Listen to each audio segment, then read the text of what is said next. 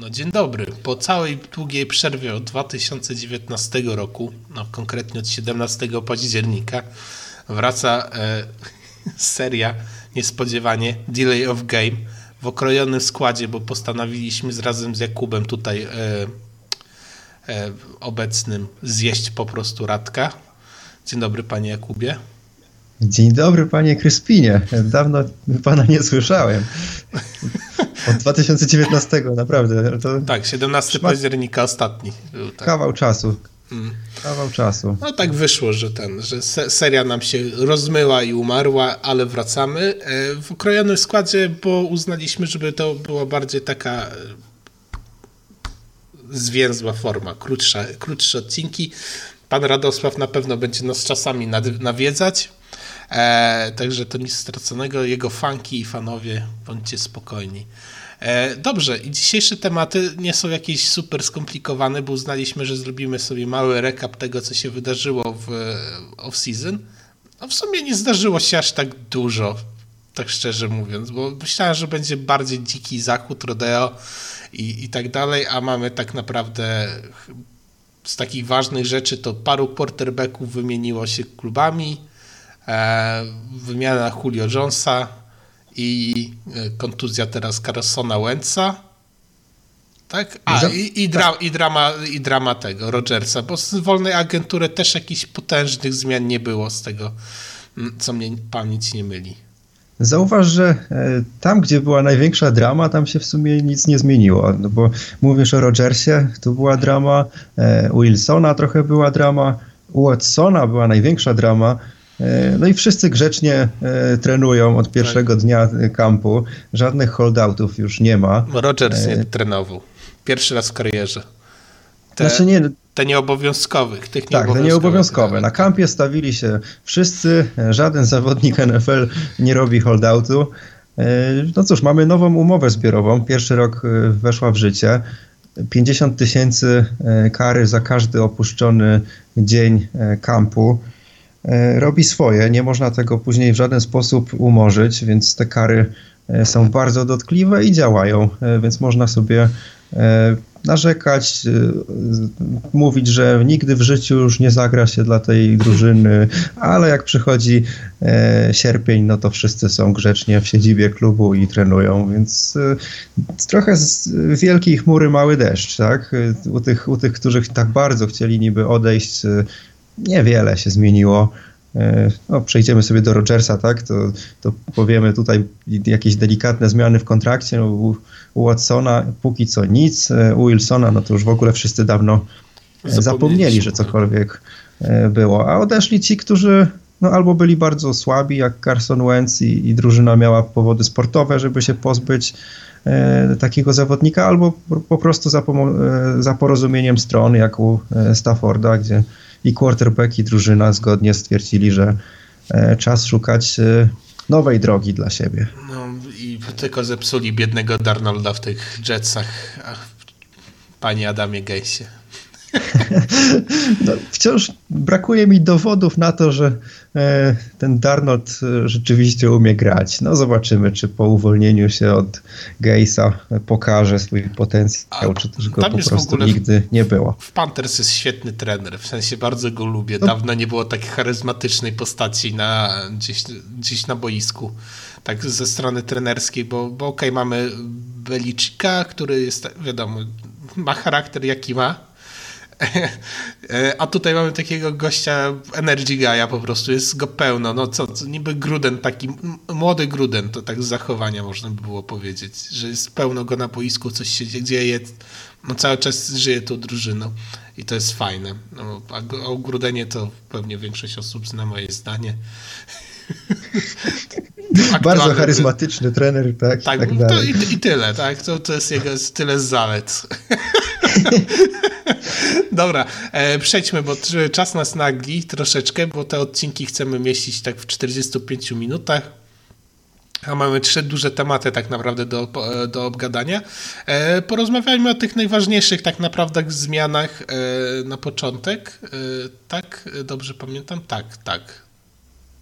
Nie, od Rogersa zaczynamy, później o zmianach i płynie do, e, do, do temat Wentza. Czyli od braku zmian Czyli tak, tak? Czy tak, od braku zmian i wszystko, ja sobie zacząłem tak analizować, w sensie pomyślałem, może zerknę, e, jak cała historia Rogersa wygląda, może ja czegoś nie zauważyłem. I wszedłem na stronę, żeby nie było, to jest źródło packersnews.com, no już bardziej chyba nie da się e, Packers, Packers Bias serwisu znaleźć. E, no i proszę, i okazuje się według całego timeline'u, który tutaj jest napisany przez pana Ryana Wooda, wszystko wychodzi na to, że pan Aaron Rodgers się bardzo mocno zawiódł tym, że został wybrany e, Jordan Love w drafcie 2020 i co najważniejsze, on uważał, że będzie grać do 40 w tym zespole. No ale teraz to się wszystko już powaliło, no i on, on już nie chce. I do tego jeszcze słaby występ w, w meczu z Tampą, który tam był na wyciągnięcie dłoni, tak, e, i z, przejście dalej. Mm, ale wiadomo, że jak się Tampę przejdzie, to już mistrzostwo stoi otworem. tak to mniej więcej zabrzmiało w wywiadzie e, Rogersa. Gdzieś tutaj były takie słowa. No i ostatecznie ostatecznie, a jest e, Obviously, after the, the season, I had a potentially winning MVP, uh, and we obviously uh, made another good run. I don't think uh, there is any reason why I wouldn't back. But look, there's not many absolutes, as uh, uh, as you guys know, in the business. So to make an absolute statement about something that is not an absolute, I didn't do it. And I guess that's why I went kind of nuts. I to są słowa pana Rogersa. Arona. Tak, u pana Pata McAfee'ego. No i ostatecznie sytuacja wyglądała tak, że no, było grubo. Wystąpił sobie w Joe Party, jak to jest po polsku, już nie pamiętam. No, tele, w teleturnieju, tak? Tak, tym, tym teleturnieju, który również prowadzi w Polsce pewien człowiek związany ze sportem, bo pan Rogers występował jako prowadzący i występujący i był to a w Polsce prowadzi to pan Babiarz, z tego co pamiętam. No i ostatecznie skończyło się na tym, że sobie z Devante Adamsem wrzucali memy z, i zdjęcia z Last Dance, że to jest ich Last Dance. Sprawa się wyjaśniła i jest bardzo ciekawa. No i panie, panie Kubo, słucham pana, biorę po 100 zł. Co chcesz wiedzieć za te 100 zł? E, o co chodzi Rogersowi? Nie wiem, kto tutaj e, lepiej wyszedł na e, rozwiązaniu tego konfliktu, przynajmniej tymczasowym. Znaczy może zacznijmy takie sobie z bullet pointujmy to.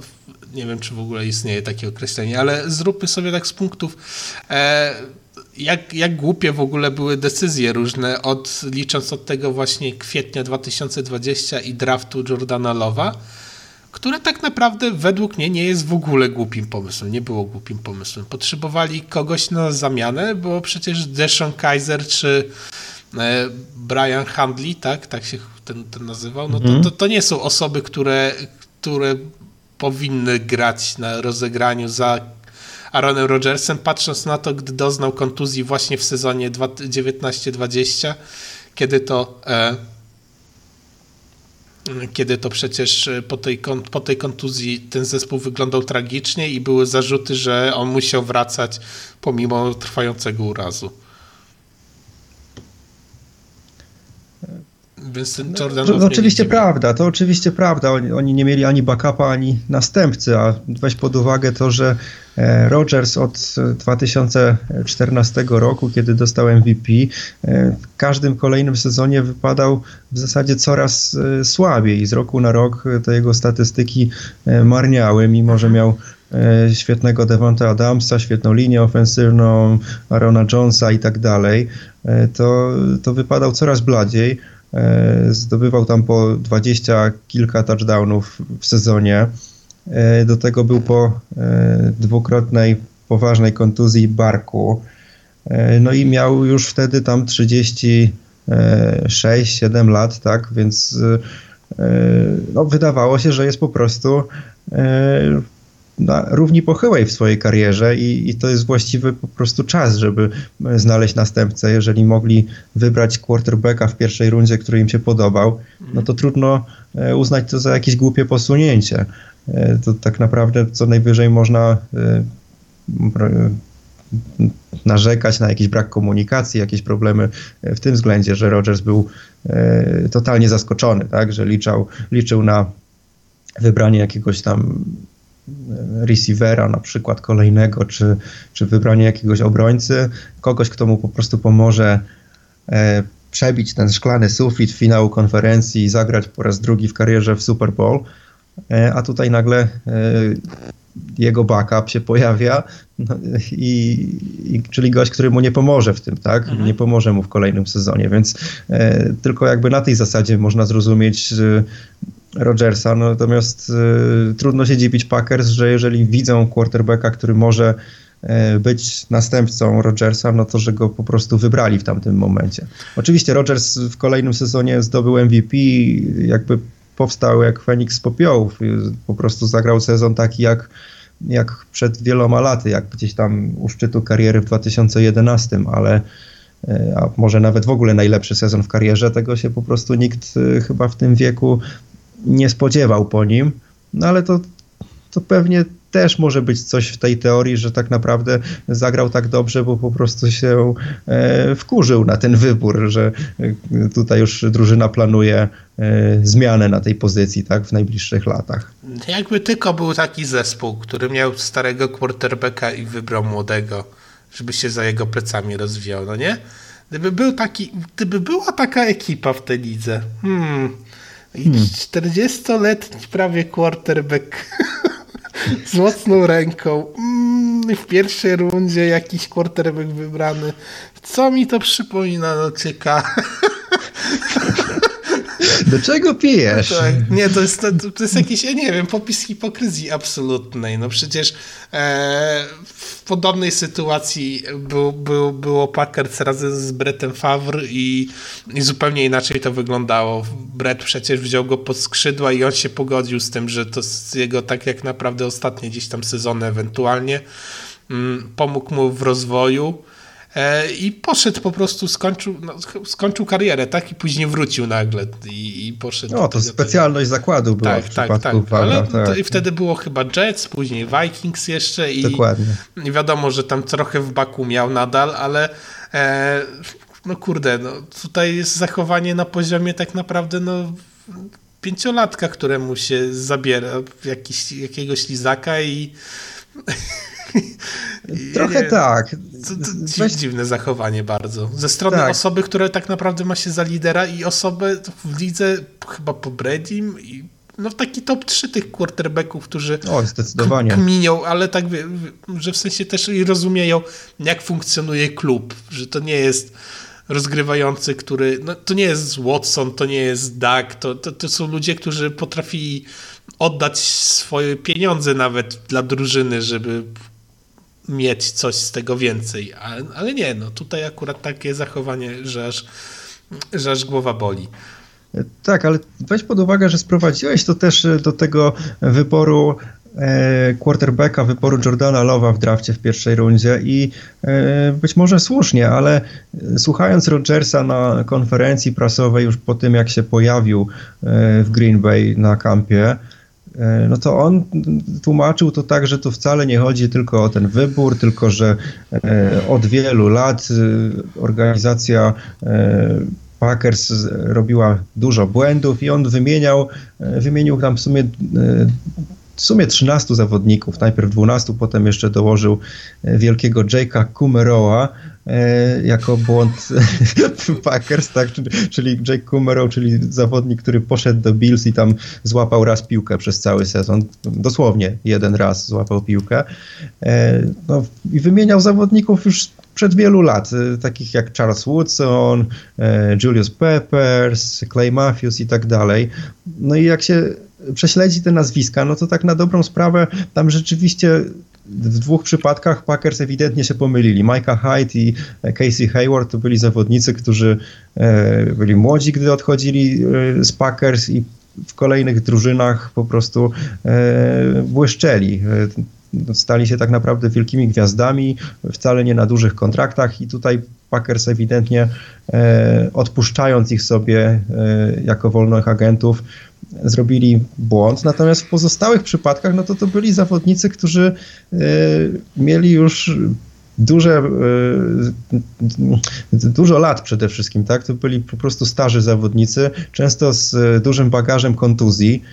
Zawodnicy, którzy po prostu no, albo mieli e, bardzo niewiele e, czasu przed sobą, przed zakończeniem kariery, albo po prostu byli od razu bardzo, bardzo słabi po odejściu z Packers, nic nie pokazali.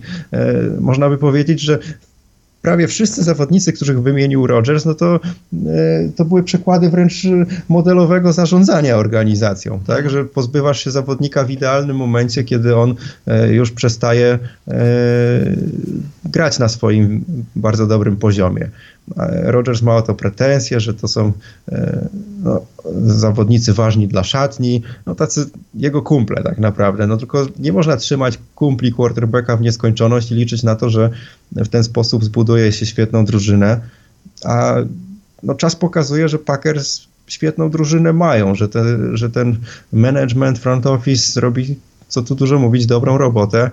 Bardzo e, dużo talentu przez lata, niesamowite ilości. I w dalszym ciągu tak jest. No przecież Packers ewidentnie mają e, mnóstwo talentu, jest, są jedną z najbardziej utalentowanych drużyn w lidze. E, jak najbardziej zdolni są do tego, żeby walczyć znowu o mistrzostwo. No, byli w finale konferencji w dwóch ostatnich latach. E, no, wydaje mi się, że tak naprawdę e, prawdziwym powodem niezadowolenia Rogersa jest to, że on po prostu nie może wygrać mistrzostwa od ponad 10 lat i to go frustruje, a, a, a po prostu szuka winnych dookoła, tak? I, i, obrywa się, się managementowi. Znaczy trzeba e, przyznać zdecydowanie jedną rzecz, że o ile dobre ruchy wykonuje Packers w różnych innych strefach, to te problemy z receivingiem czy z tight endem no to jest porażające dla mnie. Od lat jest taki, jakaś stagnacja na tej pozycji. Mamy Devante Adamsa e, teraz, ale tak poza tym jest absolutna pustka. No, to są zawodnicy bardzo przeciętni. No, Robert Tonian w, zeszłym sezonie wystrzelił całkiem nieźle.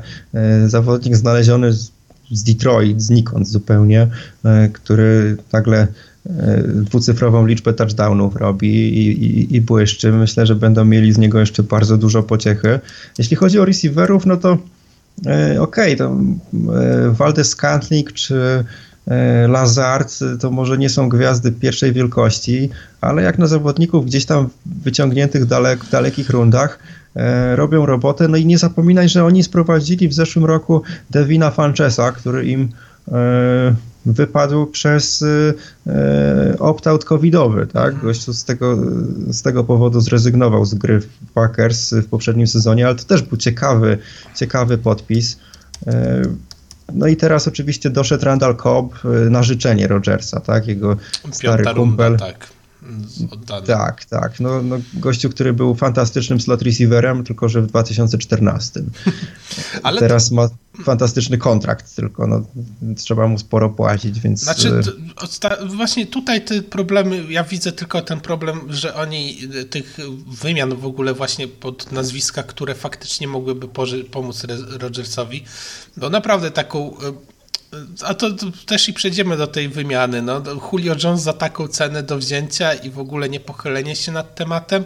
Czy to mogło być tak, że ej, dobra, no Rogers może nam odejść, rzućmy wszystko w tą stronę i, i tyle. No to, to trochę tak to wyglądało, że przyspali off-season, gdzie mogli wziąć naprawdę ciekawego zawodnika. E, nie wiem, no nawet Andre Miller, który ostatnio, e, on, przepraszam, Antony Miller, który ostatnio zmienił klub, mm, to też tak naprawdę za darmo. Tak? Piąta runda, no to kurde, no to nie są jakieś wysokie piki, a można by było gdzieś pogłębić tą rotację. I tutaj bym upatrywał chyba największego problemu e, tej organizacji, bo tak jak rozmawialiśmy i wielokrotnie i tutaj też już wspominałeś, mm, no nie wiem, no ze strony obrony na przykład mnóstwo dobrych nazwisk, no, czy, czy, czy w linii ofensywnej, także tutaj ja bym, czy nawet running backów, tak, tutaj nie ma co szukać winnych po tej stronie, ale receiving mógłby być lepszy. Na pewno, na pewno. Przede wszystkim druga opcja mogłaby być mocniejsza, tak? Bo tam e, oczywiście jako pierwszy receiver e, Davante Adams no jest, jest rewelacyjny. Można spokojnie argumentować, że to jest najlepszy receiver w całej lidze. E, jako trzeci receiver, czy Valdez Cantlik, czy Lazard też mhm. się świetnie sprawdza. Nie ma tej dwójki na takim rzeczywiście świetnym poziomie. Tego brakuje. Zresztą mówiło się o tym, czy po Willa Fullera nie będą tradeować przed trade, trade deadline E, w poprzednim sezonie. E, no i było dużo rozmów przed tym trade, e, trade deadline, ale ostatecznie się nie dogadali. Tak? To tutaj no to też kwestie takie biznesowe, tak, że nie, chcą, nie chcą się wpakować w jakieś kontrakty, które będą no tam chodziło akurat o to, że, że ten kontrakt by, by, im spadał po, po sezonie i trzeba by było podpisywać takiego receivera za jakieś duże pieniądze, a jednocześnie wydać duży pik za kogoś, kto może od razu odejść, no, no to, się, to się gdzieś tam nie spinało, tak? Mhm. Więc, więc no nie, ma, nie ma oczywiście ideału, ale mówić, że, e, że tutaj jest Rogers jakimś wielce pokrzywdzonym przez zarządzanie organizacją, to jest chyba duża przesada, patrząc na to, jak wygląda roster Packers i jak wyglądał w przeszłości. Jak wyglądają jego podróże do playoffów, tak naprawdę. Eee, no tak, no nie wiem, dla mnie, dla mnie ten zespół generalnie dużo dobrych ruchów przez lata robi, także, także tutaj nawet nie ma co dyskutować, a z tych nazwisk to aż mnie dziwi, które wymieniał, które gdzieś tam tego, to chyba Blake y, Blake'a Martineza nie wymienił. Też nie byli kumplami. Ale to, to nie wiem, no to, to tak jak rozmawialiśmy wielokrotnie też i e, znalezienie tak naprawdę receivera, jeszcze zostając tak na chwilę w ostatnim rzucie tutaj e, jeszcze przy Packers znalezienie w ogóle receivera dla, dla Packers to jest problem też duży, bo specyfika gry mm, samego Rogersa jest bardzo taka e, specyficzna i wymagająca od receivera znajdywania sobie odpowiednich ścieżek samemu i dużej takiej dowolności w tym bieganiu i rozumieniu się tak bez słów tak naprawdę z, ze swoim rozgrywającym na zasadzie takiej, że to nie są wyuczone ścieżki bardzo często. Dużo dużo inwencji twórczej w to wchodzi w pewnym momencie, bo przecież Rodgers lubi przetrzymać piłkę w rękach. No to prawda, no i to często tak jest, że, że nawet wybitni e, QBs mają problem z, ze stworzeniem odpowiedniej chemii z nowymi receiverami. No Dan Marino był najlepszym tego przykładem. On miał fantastyczny początek kariery, kiedy miał e, Coopera i Claytona, e, robili cuda, po prostu statystyki, które się nikomu w głowie nie mieściły, a w zasadzie już z żadnym kolejnym receiverem, nawet wysoko ocenianym, e, Marino nie był w stanie tego powtórzyć. E, po prostu nie było tego zgrania i, no i Rogers rzeczywiście może mieć, mieć podobny problem, że, że fantastycznie się dogadywał z Jordim Nelsonem, właśnie z Randallem Cobbem, który teraz wraca, z Davante Adamsem. Z Davante ale... to chyba ze 3 albo 4 lata mu zajęło w ogóle dotarcie się na tej Tak, to też, to też prawda, że to nie, nie od początku tak wyglądało, prawda? E, więc, więc to też często wymaga czasu. E, no, łatwiej jest mieć w kółko tych samych receiverów, no ale ci receiverzy nie są po prostu wieczni. No, Jordi Nelson po odejściu z Packers spędził jeden sezon w Raiders i koniec kariery, zresztą po bardzo słabym e, sezonie. Więc to, to, są trochę takie, wydaje się, że to jest takie życzeniowe myślenie, że, że powinniśmy podpisać Jordiego i on by grał tutaj wiecznie. No, no, no to tak nie działa z tymi receiverami i trzeba po prostu e, umieć stworzyć dobry atak z nowymi, młodszymi e, zawodnikami. Nawet Wes Walker musiał w końcu odejść kiedyś. Każdy, na, tak, nawet Jerry Rice, nawet tak, na niego Jerry, przyszła to, pora. Tak, nawet na Jerry'ego Rice'a. Dobrze, przejdźmy do wymian. Um, bo jeszcze pewnie ta historia Rogersa się nie... A, to tylko jeszcze na koniec może, bo zapomnieliśmy, to jest najważniejsze. Jak Rogers w ogóle tą roz, y, sytuację, zespół usadził tak naprawdę i wygrał tu całą batalię. Krzywdząc to tak ostatecznie mi się wydaje troszeczkę organizację, no ale organizacja miała na tyle związane ręce, bo cała sytuacja rozwiązała się po drafcie, że chyba innej opcji nie było. No jeżeli dobrze pamiętam, e, sam sobie może wybrać zespół, tak? zmiana w kontrakcie i coś tam jeszcze było. Znaczy, Oczywiście, jeżeli spojrzymy na to, czego niby oczekiwał Rogers, no to można powiedzieć, że mało dostał, bo, bo on chciał e, niby e, być wymienionym już teraz, zmienić drużynę, albo przynajmniej pozbyć się GM'a od obecnego Briana Gutekunsta. No, to nie wchodziło w grę tak naprawdę w ogóle. E, biorąc pod uwagę, jak wyglądał jego kontrakt obecny, jak wygląda umowa zbiorowa, on tutaj tak naprawdę nie miał żadnych instrumentów e, w ręku, żeby to osiągnąć. Mówienie o zakończeniu kariery, no to to już w ogóle byłaby jakaś katastrofa e, dla niego i finansowa, i, i, i wizerunkowa z punktu widzenia legacy i tak dalej. To, to, to nie wchodziło w grę. Tak naprawdę Rogers ugrał mniej więcej tyle, ile mógł. To znaczy, to co mówisz o tym wybieraniu drużyny, no chodzi, e, chodzi o to, że e, on dodał sobie klauzulę e, blokowania trade'ów, tak? Czyli mhm. jeżeli Packers go będą tradeować i mu się nie podoba do jakiej drużyny, no to on to może zablokować i, i tą drogą odejść do tej drużyny, która, której chce. Tak jak podawano, to, to jego ostatni rok kontraktu, czyli 2023, e, został unieważniony, czyli jego kontrakt się skończy po sezonie e, nie tym, tylko jeszcze kolejnym, co ma z kolei zmusić Packers do tego, że jeżeli Rodgers dalej będzie chciał odejść z Packers, no to, no to Packers, jeżeli chcą e, dostać za niego jakąś kompensację sensowną, no to muszą go wytradować wcześniej, czyli przypuszczalnie za rok. E, no i nie mogą franchise taga nałożyć. To jest kolejna zmiana w kontrakcie, która ma doprowadzić do tego, że jeżeli Rodgers za rok będzie chciał odejść, no to to rzeczywiście osiągnie. Chociaż Brian Gutekunst, tak jak się go słucha na konferencji, to on to, to kwestionował, czy te zapisy w kontrakcie rzeczywiście tak wyglądają. E, on stwierdził, że kontrakt Rodgersa wcale nie jest e, tak krótki. No, opierając się na tym, co podawano w, w, w, mediach, no to, no to rzeczywiście Rogers jest w stanie wymusić w kolejnym sezonie e, trade i to trade do takiej drużyny, jaka będzie mu się podobała, więc to jest bardzo dużo. E, no i oczywiście dostał tego Randala Koba zgodnie z życzeniem, co tak jak mówisz nie pomaga e, Packers, no bo to jest wysoki kontrakt. E, Packers dopiero co wybrali w drafcie w tym roku receivera Amariego Rogersa, nomen omen, który porównywany jest przede wszystkim właśnie z Randalem Cobem, czyli wybrali takiego z założenia młod, dużo młodszego Randala Coba e, właśnie po to, żeby pasował Rogersowi, no ale Rogers chciał mieć pra, prawdziwego, oryginalnego Randala Coba za dużo większe pieniądze, no i to, to się spełniło. E, biznesowo można kwestionować ten ruch, no ale czego się nie robi, żeby uszczęśliwić e, największą gwiazdę, tak? Żeby móc e, po prostu walczyć o, o mistrzostwo w tym roku. Że to i tak jest fajne w NFL, że nieważne, możesz być future hoffem, to i z dnia na dzień nagle ci mówią, że dziękuję, ucinają ci kontrakt, tak jak było z Tomlinsonem swego czasu w Chargers, że on się tego w ogóle nie mm. spodziewał, że tak, tak się jego życie potoczy.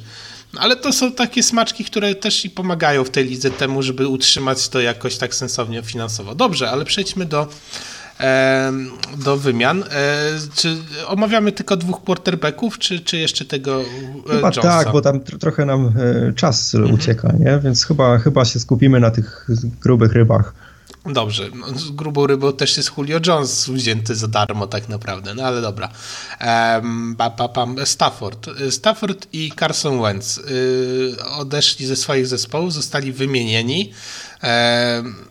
I to jest, to jest ciekawa historia, bo tak, Matthew Stafford wymieniony do Los Angeles Rams za Jaretta Goffa trzecią rundę 2021 i dwie pierwsze rundy 2022-2023. E, I skupmy się może na tym na początek.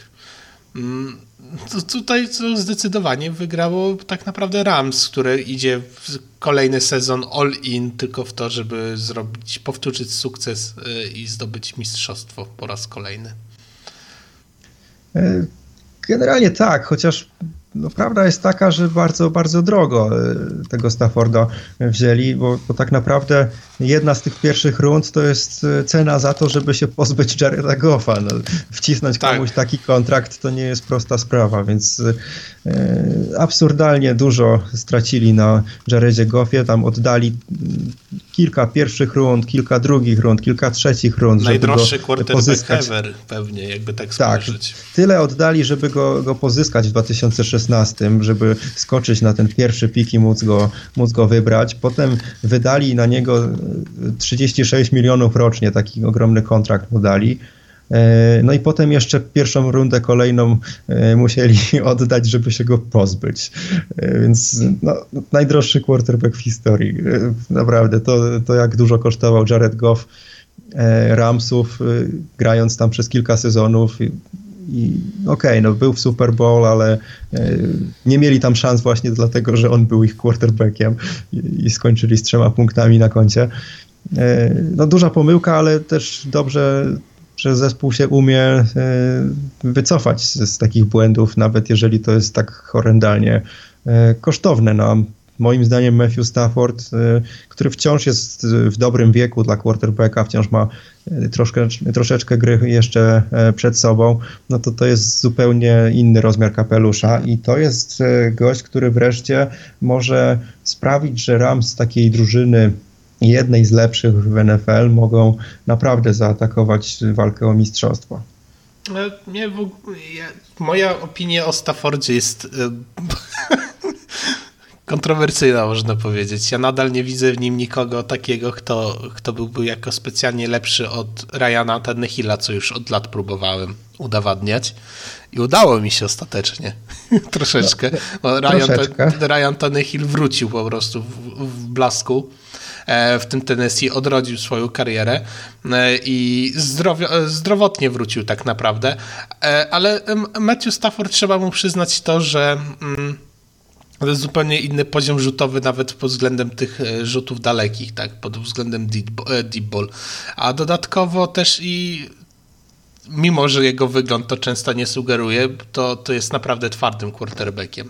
Także wydaje mi się, że tutaj, tutaj będzie duża pociecha z niego, chociaż cały czas odnoszę wrażenie, że, że jednak te naleciałości przez grę z Calvinem, gdzie jest po prostu pałowanie rzutów jednego receivera, najbardziej takiego, no, z którym się najlepiej dogada, to, to, to, to trochę mu to zostanie i, i będzie tak to wyglądało. Bo też i wydaje mi się, że jak dobrze pamiętam, to w Lions też był ten problem teraz, że że on korzystał tak naprawdę nie z całego repertuaru zawodników, jakich miał, tylko forsował tak naprawdę podania albo na Jonesa, albo na Tate'a wcześniej, także tutaj może być no wiesz, i, i Galladay miał świetny sezon i dostał ogromne pieniądze hmm. od, od Giants, więc on, to też nie jest tak, że, że to wyglądało tak jak z Calvinem Johnsonem, że wszystko na niego.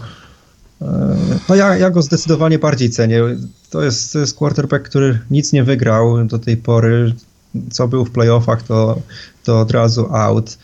Ale tak szczerze mówiąc, to jak dla mnie, biorąc pod uwagę, jak wyglądała sytuacja w Detroit Lions, to samo wejście do playoffów to już jest coś, no bo on tak naprawdę nigdy nie miał krzty e, gry biegowej w tej drużynie.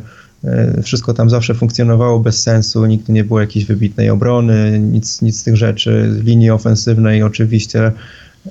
E, natomiast on, tak jak mówisz, rzutowo jest niewiarygodny. Tak na dobrą sprawę teraz e, jest moda na, na, na zachwycanie się po prostu każdym rzutem Mahomesa, jakie to jest niewiarygodne, że wykonuje te no-look pasy, super e, szybkie, silne rzuty z każdej pozycji. E, zachwiany i nie ma żadnego znaczenia, no to tak na dobrą sprawę Matthew Stafford y, robi to już od 2009 roku, regularnie dokładnie to samo. Y, to, to jest niezwykle utalentowany rzutowo. Znam jeszcze takiego jednego utalentowanego rzutowo quarterbacka w podobnej budowie jak Matthew Stafford. Może trochę grubszego. Kokim mówisz? O, o, o Benie. O Benie. No. No, nie wiem, czy aż tak, ale Josh Allen to jest dopiero no. turbo utalentowany gościu. No Josh Allen to tak, to, to, już w ogóle jest. On tak w cieniu tego, to chyba też mu dobrze zrobiło, że jego rozwój jest trochę w cieniu tego, co robi Jackson i, i ten, i, i, i Jackson i Pat Mahomes, o. i on tam może sobie z tyłu robić swoje, ale wracając, e, nie wiem, no Rams wydaje się, że stało się momentalnie zespołem e, kontenderem, ale też e, nie byłbym sobie, jakbym nie, był, nie wbił troszeczkę szpilki, mm, oddać dwie pierwsze i trzecią rundę i quarterbacka za gościa, który jakby, jakbym był takim naprawdę hejterem, to bym powiedział oddać gościa, który był w Super Bowl, trzecią rundę i dwie pierwsze za gościa, który nigdy nie przeszedł pierwszej rundy w playoffach. No, Rams akurat y, czym jak czym, ale stratą y, pierwszych rund, czy w ogóle pików w drafcie, to się nie przejmują. E, ostatnim zawodnikiem, którego wybrali w pierwszej rundzie był właśnie Jared Goff w 2016. Oprócz, e, później już nie mieli żadnej pierwszej rundy, e, nie mieli mnóstwa innych pików. Mogą w ogóle nie wybierać w drafcie i się tym w ogóle nie przejmują. No, mają taką filozofię i całkiem daleko zachodzą z nią, więc y, trudno ich też y, jakoś wyśmiewać. Nie? Znaczy trzeba, trzeba też pamiętać chyba to, że ten rynek Los Angeles robi swoje. Dużo zawodników chce tam grać za troszeczkę mniejsze pieniądze, bo jednak LA. No, a druga sprawa też i inaczej się pieniądze wtedy liczy w, w kasie klubowej. Mimo wszystko. Szczególnie, że oni na dosyć dużym stadionie też grają. Eee, no ale teraz. Chociaż no. też e, bardzo wysokie e, podatki dochodowe, tak? Więc e, to, to, to, to trochę z tym, mhm. tym zawodnikom gdzieś tam z tej pensji ucieka, tak? Ale tak jak mówisz, to jest, to jest jednak Los Angeles. Tak. Przejdźmy dalej. Carson Wentz. I to jest trochę mniejsze nazwisko, ale równie takie gorące pod tym względem, że to też miał być zbawca w ogóle całej Filadelfii. No, dosyć szybko im się znudził, szczególnie po zdobyciu Super Bowl. Tak, do, to, tak, zdobyli Super Bowl. Co, co już mm -hmm. tego. Tak, bo przypomniałem sobie, że Nick I Foles trenera został, wywalili. Tak, że Nick Foles został wtedy MVP finałów. Dokładnie. tak, i został oddany za trzecią rundę 2021 i drugą rundę 2022 do Colts, które po emeryturze Riversa nie miało nikogo. E, wrócił do swojego koordynatora, tak? Do Franka Rajka. Mm, dokładnie tak, tak. Więc jest duża, było duże prawdopodobieństwo, że to będzie naprawdę fajny quarterback e, i odbudowa kariery. Mm, taki low risk, high reward można powiedzieć, jeżeli by, jeżeli by wyszedł. Jeśli nie, no to druga i trzecia runda to co jest całe nic. E, no i niestety połamał się poważnie. Kontuzja, tego. Kontuzja spowodowała, że go nie będzie. E, z nami 12 tygodni według e, Sport, zaraz nie Sport Illustrated. E, Sport Illustrated to napisało cały artykuł, ale według po prostu kolców. Frank Reich, tak, Frank Reich powiedział 12 tygodni. Czyli początek sezonu ma z głowy. Gdzieś w połowie tam... by chyba wrócił wtedy, mniej więcej. Znaczy 12 tygodni, to jak rozumiem od teraz, tak? Mhm. Czyli te, te cztery kolejki preseason i dopiero wtedy liczymy dalej od, w sezonie zasadniczym, tak? Więc no. e, dwa miesiące go nie ma, tak? Jakby e, tak mniej więcej trzeba liczyć. No to wiadomo, że to nie jest e, to, to nie jest nic, to nie jest matematyka, tak? Że e, może się szybciej wszystko będzie e, toczyć z rehabilitacją, może trochę wolniej, no ale chyba trzeba liczyć, że przez pierwsze dwa miesiące go nie ma. Jeżeli mówimy o startowym quarterbacku jeszcze, który wypadł na początku kampu, no to jest, to jest duży problem. I trzeba tak naprawdę koniecznie e, kogoś sprowadzić po prostu. A jest jedno nazwisko, które e, samo z siebie gdzieś krzyczy, e, że Pick me. Dokładnie, trade for me, tak? tak, tak. Zresztą miał też konferencję dosyć głośną wczoraj właśnie, możemy powiedzieć, tak? Nick Foles, mhm. zwany kiedyś Big Dick Nickiem. No, no, wszystko tutaj wydaje się pasować. Nawet to, że on ma duży kontrakt nie przeszkadza, bo Colts akurat mają mnóstwo miejsca w salary capie, więc mogą sobie pozwolić Zresztą na to na chyba ostatni rok go. kontraktu w ogóle w Dokładnie, więc, więc tu się wszystko, wszystko zgadza, żeby po niego tradeować. Wiadomo, że Matt Nagy i Chicago Bears go kompletnie nie chcą.